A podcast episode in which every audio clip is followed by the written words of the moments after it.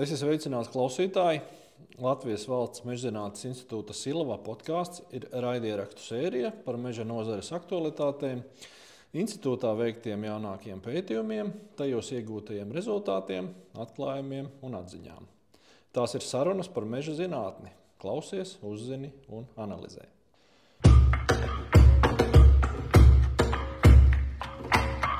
Šodien mēs izkāpsim ārpus meža. Parunāsim par vienu tēmu, kas nesaistās ar meža saimniecību, par gēnu bankām. Un šodien mans sarunas viesis būs Agnese. Labdien, Agnese! Labdien! Agnese Gailīte strādā mūsu institūtā Silava, ir pētniece. Vai tu vari iepazīstināt nedaudz ar sevi, kā tu pie mums nokļuvi, kāda ir tava izglītība Un kādas ir tavas intereses? Es nokļuvu Silavā 2006. gadā, kad tika veidots ģenētisko resursu centrs, un man piedāvāja strādāt gēnu bankā. Pirms tam gēnu banka atradās Bioloģijas institūtā, Un līdz ar ģenētisko resursu centru izveidošanu un gēnu banku pārtransportēju uz Meža zinātnes institūtu Silāvā. Pirms tam es strādāju Nacionālajā botāniskajā dārzā, augu kultūra laboratorijā, biju zinātniskā asistente, nodarbojos ar in vitro kultūrām. Droši vien tas ģenētisko resursu centrs, šīs funkcijas kuras šobrīd uzticētas Mežģinātnes institūtam, būs tā galvenā sarunu tēma, par ko mēs šodien runāsim. Varbūt jūs arī, arī iepazīstināt, kas ir šis centrs, kāpēc viņš tika izveidots un kāpēc viņš šobrīd atrodas pie mums uh, Silavā. Ģenētisko resursu centrs sastāv no gēnu bankas no datubāzes, jo gēnu banka bez datubāzes nu, nekādīgi nevar dzīvot, jo visi paraugi, kas atrodas gēnu bankā, kaut kādā veidā ir jāsistematizē un jāapraksta. Un ir nepieciešama šī datubāze un no molekulārās ģenētikas laboratorijas. Kāpēc Silavā? Tāpēc, ka Gēnu banka ir ministrijas pāraudzībā. Nu, Mežzinātnes institūts Silava arī ir ministrijas pāraudzībā. Tad, acīm redzot, politiski šķita šāds lēmums pareizs. Jā, nu tad droši vien tev vajadzēs iepazīstināt, kas tad tajā tavā bankā atrodas. Bankā jā, atrodas pārtikā un lauksaimniecībā izmantojamo augu ģenētiskie resursi. Tas ir sēklas, Un tas nozīmē, ka gēnu bankā atrodas tie pārtikā un lauksaimniecībā izmantojami augi, kurus var pavairot ar sēklām. Jo ir teiksim, augļu koki, ogulāji, kurus ar sēklām nevar pavairot. Nu, tās kolekcijas ģenētisko resursu atrodas attiecīgi Dārzkopības institūtā, Dobelē un Pūrē. Un, jā, un kartupeļu kolekcija atrodas Priekuļu zinātnes centrā.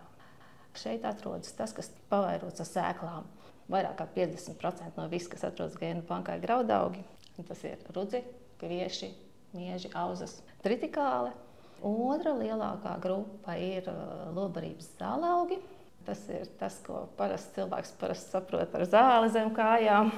Bet, uh, tur arī ir daudz un dažādas sugas, auzenes, skarenes, airenes, arī āboliņš. Tad nākamā grupa, kas ir eļas un šķiedraugi, tie ir līnija un kaņepes pārsvarā. Tad ir pākšaugi, zirņi, pupas un uh, sakņaugi un vēl arī dārzeņi. Un tas ir tās lielākās grupas, kas atrodas gēnu bankā. Un tas mūsu uzdevums faktiski ir saglabāt tos ģenētiskos resursus, kas ir radīti Latvijā. Tas nozīmē, ka mums atrodas Latvijas izcelsmes šie paraugi, Nu, tas nozīmē, tie, ko ir veidojuši selekcionāri, vai tās ir arī vietējās šķirnes, jā, vai arī savvaļā vākts materiāls. Izklausās diezgan daudz, droši vien, ka vienā leduskapī to visu nevar salikt. Varbūt vari pastāstīt, cik liela ir tā tava banka un kāda viņa izskatās un cik viņa ir droša. Vai tur, tur noliktās sēklas ir, ir droši, ka viņas tur arī kādu laiku saglabāsies, vai nav tā, ka, nu, ja kā uz salaspēlī apgāžās kāds staps nu, pārtraukta elektrība vai tās sēklas uh, ir apdraudētas tādā gadījumā? Nē, sēklas nav apdraudētas. ir divi varianti. Ja pārtrauksta elektrība, tad mums ir ģenerators, kas pieslēdzas tajā brīdī, kad pazūd elektrība. Otrs variants - mums sēklas glabājas parastās komerciālās saldētavās, ko nu katrs veikalā var redzēt. Tātad minus 18, minus 20 grādos. Un, ja kāda no šīm saldētavām nomirst, tad attiecīgi pienāk īsiņu uz telefonu, tad, kad temperatūra sāk celties uz augšu. Saldētavai, ka mums kaut kas ir jādara, vai nu tur ir durvis vaļā, vai saldētava mhm. nomirusi, vai vēl kaut kas līdz ar to. No drošības viedokļa viss ir kārtībā. Tad par tādām sīkām ķibelēm mēs varam neuztraukties. Par to, Jā. par to ir padomāts. Vai tavā kolekcijā varētu atrast, piemēram, tās tomātu šķirnes, ko kādreiz nu, mūsu vecmāmas ir audzējušas, vai arī tās eh, auzu šķirnes, kuras mūsu vectēvi kādreiz sēja uz laukiem? Cik senas ir šīs šķirnes, kuras ir izdevies iegūt šajā kolekcijā? Lielākā daļa kolekcijas, tomēr man jāsaka, ir selekcionēra radītas šķirnes Ar to mēs par tādu nopietnu zinātniskās selekcijas sākumu Latvijā varam runāt 20. gadsimta sākumā, kad veidojās Latvijā selekcijas institūti. Pirms tam, protams, 19. gadsimtā arī kaut vai mūžās, mūžu pārvaldnieki bieži vien atlasīja, vai arī zemnieki atlasīja nu, kaut ko, ko viņi audzēja. Ja? Ja mēs runājam par tādu zinātniskā veidā selekciju, tad jā, pirmais institūts tika veidots priekuļos, pēc tam bija stendē 1922. gadā. Tie 20. gadi ir apmēram tas laiks, kad jau bija šķirne un šķirne bija arī selekcionārs. Pirms tam, protams, bija vietējās šķirnes. Mums ir teiksim, viena miežu šāda šķirne, ir gēnu bankā. Bet vairumā gadījumā jā, šīs šķirnes lielā mērā ir pazudušas. Nu, tā vienkāršā iemesla dēļ, ka ja šķirni neaudzē divus, trīs vai piecus gadus, viņi neiesēja, nu, tad tās sēklas neglābjami iet bojā. Nu, pagājušā gadsimta sākumā īsti vēl nebija metodes. Vai... Tagad 20. gados attīstījās šī selekcija Latvijā, tad, protams, katrs selekcionāram bija sava darba kolekcija, ar ko viņš darbojās. Jā? Bet, nu, teiksim, tas, kas viņa kolekcijā nebija, tas tā lēnām pazuda. Jā. Un tā pazušana, diemžēl, notiek ātri. Līdz ar to jā. Ir, ir dažas vietējās šķirnes, bet pārsvarā mums ir selekcionāri veidotas uh mhm. -huh. šķirnes. Tad es iedomājos, ka tev ir kolekcijā, piemēram, paciņa ar rudziem. Tu viņu ieliec gēnu bankā, un tad cik ilgi viņa tur tā droši tajos mīnus 18, 20 grādos var stāvēt. Vai tu viņu ieliec un aizmirsti, ja tu kādu brīdi viņu ar apčubini apskaties, vai kaut ko dari, kontrolē, vai viss ir kārtībā, vai viņi joprojām ir dīķspējīgi un tam līdzīgi. Tā ir viena no tās vienu bankas sūtībām un būtībām un uzdevumiem saglabāt sēklas dzīves, tas ir dīķspējīgs. Nepietiek ar to, ka viņa tur ir, vēl ir jābūt garantijai, ka viņa ir dīķspējīga. Faktiski gēnu bankai ir trīs funkcijas. Tātad sēklu uzglabāšana, kas ietver sevī šo sēklu pareizu ievietošanu šajos mīnus 18, mīnus 20 grādos. Otrs ir dokumentēšana, un trešā ir izplatīšana zinātnes un selekcijas vajadzībām. Jo gēnu bankas, ja zinātnē vai selekcijai šīs sēklas ir vajadzīgas, tad gēnu bankas, pamatojoties uz starptautiskajiem līgumiem, arī izsniedz zinātniekiem šīs sēklas. Gēnu banka, kas ir Silavā, tad viņa ir mūsu nacionālā banka, bet um, ir dzirdēts, ka ir um, teikt, tādas vēl drošākas vietas, kur uzglabāt kopijas no tā mūsu ģenētiskā materiāla, kas mums ir uh, pieejams. Vai tu vari pastāstīt par šo sistēmu? Cik atkārtojumos mums ir pieejams šis materiāls un kur viņš glabājās ārpus mūsu valsts? Ir gēnu bankas un gēnu bankām. Visu kolekciju iedala aktīvajām bāzes kolekcijām. Bāzes kolekcija ir tā kolekcija, ko faktiski nekad nekustina. Un aktīvā kolekcija ir tā kolekcija, ar kur notiek kaut kādas darbības. Tas nozīmē, vai nu pārbauda dīktspēju, vai arī izsniedz kādam. Un tās kolekcijas atrodas Gēnu bankā, tas ir šeit Salaspilsē. Bet bez šīm divām kolekcijām ir vēl arī drošības kolekcija. Drošības kolekcija mūsu Gēnu bankai līdz 2020. gadam, ja nemaldos, atradās Zviedrijā un Arpā. Un pēc tam viņi turienes izveidoja jaunu ēku cēla Dānijā, Flakjunbergā, un visas šīs drošības kolekcijas sēklas pārved uz turieni. Līdz ar to šobrīd mūsu drošības kolekcija atrodas Dānijā. Bet vēl bez šīs drošības kolekcijas pasaules sēklu glabātuve, kas atrodas Norvēģijā, Arktiskajā zonā, šo sēklu glabātuvi izveidoja 2008. gadā. Un eh, arī tur nu jau pusotru gadu atrodas sēklas no Latvijas. Tā vairs nav gēnu banka, tā ir drošības kolekcija. Tas nozīmē, ka šīs sēklas tiek tur uzglabātas, un tad, ja mums rodas nepieciešamība pēc šīm sēklām, tad mums viņas tiek izsniegtas atpakaļ, un mēs tālāk varam ar viņām darboties. Kāpēc uh, Norvēģijā tas viss ir? Un, un kāpēc tā ir Svalbāra un kāpēc tas ir tuvu Arktikai? Faktiski tā ir arktiskā zona, 1300 uh, km no Ziemeļpola. Tāpēc, ka tur ir mūžīgais sasalums, un pat vasarā tā temperatūra ir tāda, ka, ja nu visas iekārtas atslēdzās, pat tad nebūs ļoti silti. Plus vēl Svalbāru izvēlēja tā iemesla dēļ, ka tas ir tālākais punkts ziemeļos, uz kur var aizlidot ar visparastāko lidmašīnu, jebkurš cilvēks. Nav tā, ka tur ir speciāli kaut kādā veidā jātaisa ekspedīcija, lai tur nokļūtu. Jebkurš var nopirkt biļeti un aizdoties uz turieni. Un šī sēklu glabātuve šobrīd jau viņai ir vairāk kā miljons paraugu.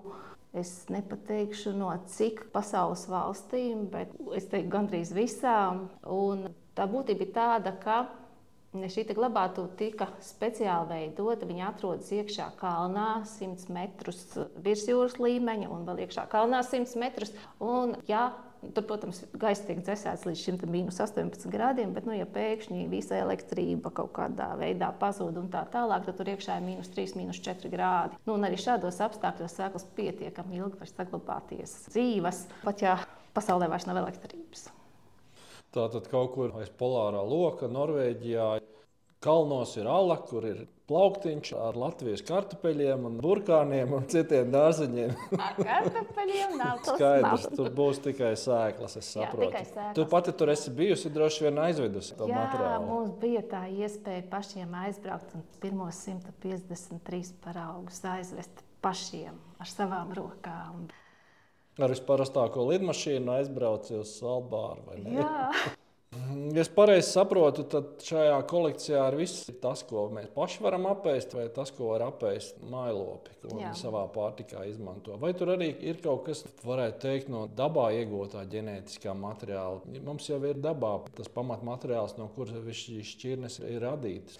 Tad tas ir viens jautājums. Otrs, vai tur ir kaut kas, piemēram, to pašu mūsu parasto melni vai, vai brūkleni, mēs arī liekam bankā vai paļaujamies uz to, ka tomēr viņam mežā mums vienmēr būs pieejama. Viena bankā ir eh, savvaļā vākti paraugi, un tie tiešām zāļu paraugi. Jo Mums, kā zināms, ir selekcijas institūts Skrīveros, kas nodarbojas ar zālaugu selekciju. Viņi regulāri brauc ekspedīcijās un meklē materiālu, ko viņi tālāk varētu izmantot selekcijā. Tad Gēnu bankā nonāk viņu izvērtētais, tam labākais materiāls, ko viņi ir atzinuši par labu esam, kas varētu potenciāli noderēt nākotnē. Kas attiecās uz melenēm un citām savvaļas logām, tad Tas atkal būtu stāsts par to, Lai gan melanēm ir sēklas, protams, bet sēklas laikam gēnu bankā mēs tomēr neliktu. Mēs veidotu kaut kādu lauku kolekciju botāniskajā dārzā, jo, kā zināms, tajā pašā Nacionālajā botāniskajā dārzā pagājušā gadsimta beigās tika izveidots vairākas brūkleņu šķirnes, par pamatu ņemot savvaļā vāktas brūklenes. Un līdz ar to nu, tas ir tāds potenciāls, kur ir iespējams uh, šīs savvaļas logas izmantot jau selekcijā, jau kaut kādu uzlabotu šķirņu veidošanai. Un mums bija pētījums par meleņu, brūkleņu un zileņu ģenētisko daudzveidību Latvijā, bet kā sēklas mēs viņus nevaram uzglabāt tāpat laikā. Es tik ilgi skraidīju pa mežiem, mērīdama visu, ko ka beigās pētījuma ietvaros eh, mēs konstatējām, ka Latvijā bez klasiskajām melenēm ir iespējams atrast melēnas arī ar pilnīgi baltām ogām. Un tad izrādījās, ka tādas ir arī Lietuvā. Lietuvā viņi bija tālāk tikuši, un šīs vietas ir atzītas par nu, tiksim, ģenētiski nozīmīgām vietām un attiecīgi tiek monitorētas regulāri. Arī domā par to, kā lauka kolekcijā ielikt nu, šos interesantos genotipus, jā, bet kā sēklas viņas netiek vāktas. Tāpat laikā šīs vietas tiek dabā apzinātas un kaut kādā veidā zinātnieki cenšas viņas pasargāt. Ir interesanti, Agnes. Es ceru, ka tu visā drīzumā uzcienās manu balto mēliņu zapti vai balto mēliņu klimpām. Nākotnē veidotais dāvas poligons. Jūs droši vien esat dzirdējuši, tur aiz aizkrāpjas, tur uz to pusi. Tajā potenciālajā poligonā ir trīs šādas vietas. Latvijas valsts meža ir informēta par šīm lietām. Zināma cerība ir, ka tas vietas saglabāsies. Tā kā, nu, nav jau tā, ka nav. Tāpat laikā, protams, tad, ja izdodas atrast kaut ko tādu interesantu, nebijuši uzreiz jāskatās šī piederība, kam tas pieder. Ja tikpat labi tas būtu privāts mežs, tad tas nav tik vienkārši. Šeit mēs Agnes runājam par kultūra augiem, bet mēs zinām, ka daba mainās, pazūd nepārtraukti dažādas dzīvnieku sugas vai ir uz izmešanas robežas, un droši vien līdzīgi ir arī ar augiem. Mēs zinām, piemēram, ka mums Latvijā ir tāda skuju koku suga kā ogu īve, kuras mums palicis ir pavisam maz. Vai mums Latvijā pastāv kaut kāda sistēma, kādā veidā tiek saglabāts nu, šis eh, reto augu sugu ģenētiskais materiāls? Gēnu bankā īsti tas netiek darīts, jo gēnu banka koncentrējas uz šīm lauksaimniecībām, pārtikā izmantojamiem augiem. Bet tiešām ir viena sarkanās grāmatas augsts, nosacīta nejaušības dēļ nokļuvusi, bet ir. Jo aizsargājumu augu glabāšana nav mūsu uzdevums. Tā ir mazliet cita lieta. Un ar to starpcīm botāniskais dažs nodarbojas. Aizsargājumos augus glabā in vitro kultūrās, Nacionālajā botāniskajā dārzā. Vienu daļu, protams, no viņiem ne jau visus. Un arī lielai daļai aizsargājumu augu in situ ir noteikti šie mikroliegumi regulāri tiek veikts monitorings un tiek skatīts, ir vai nav šis augsts un kā tas viss.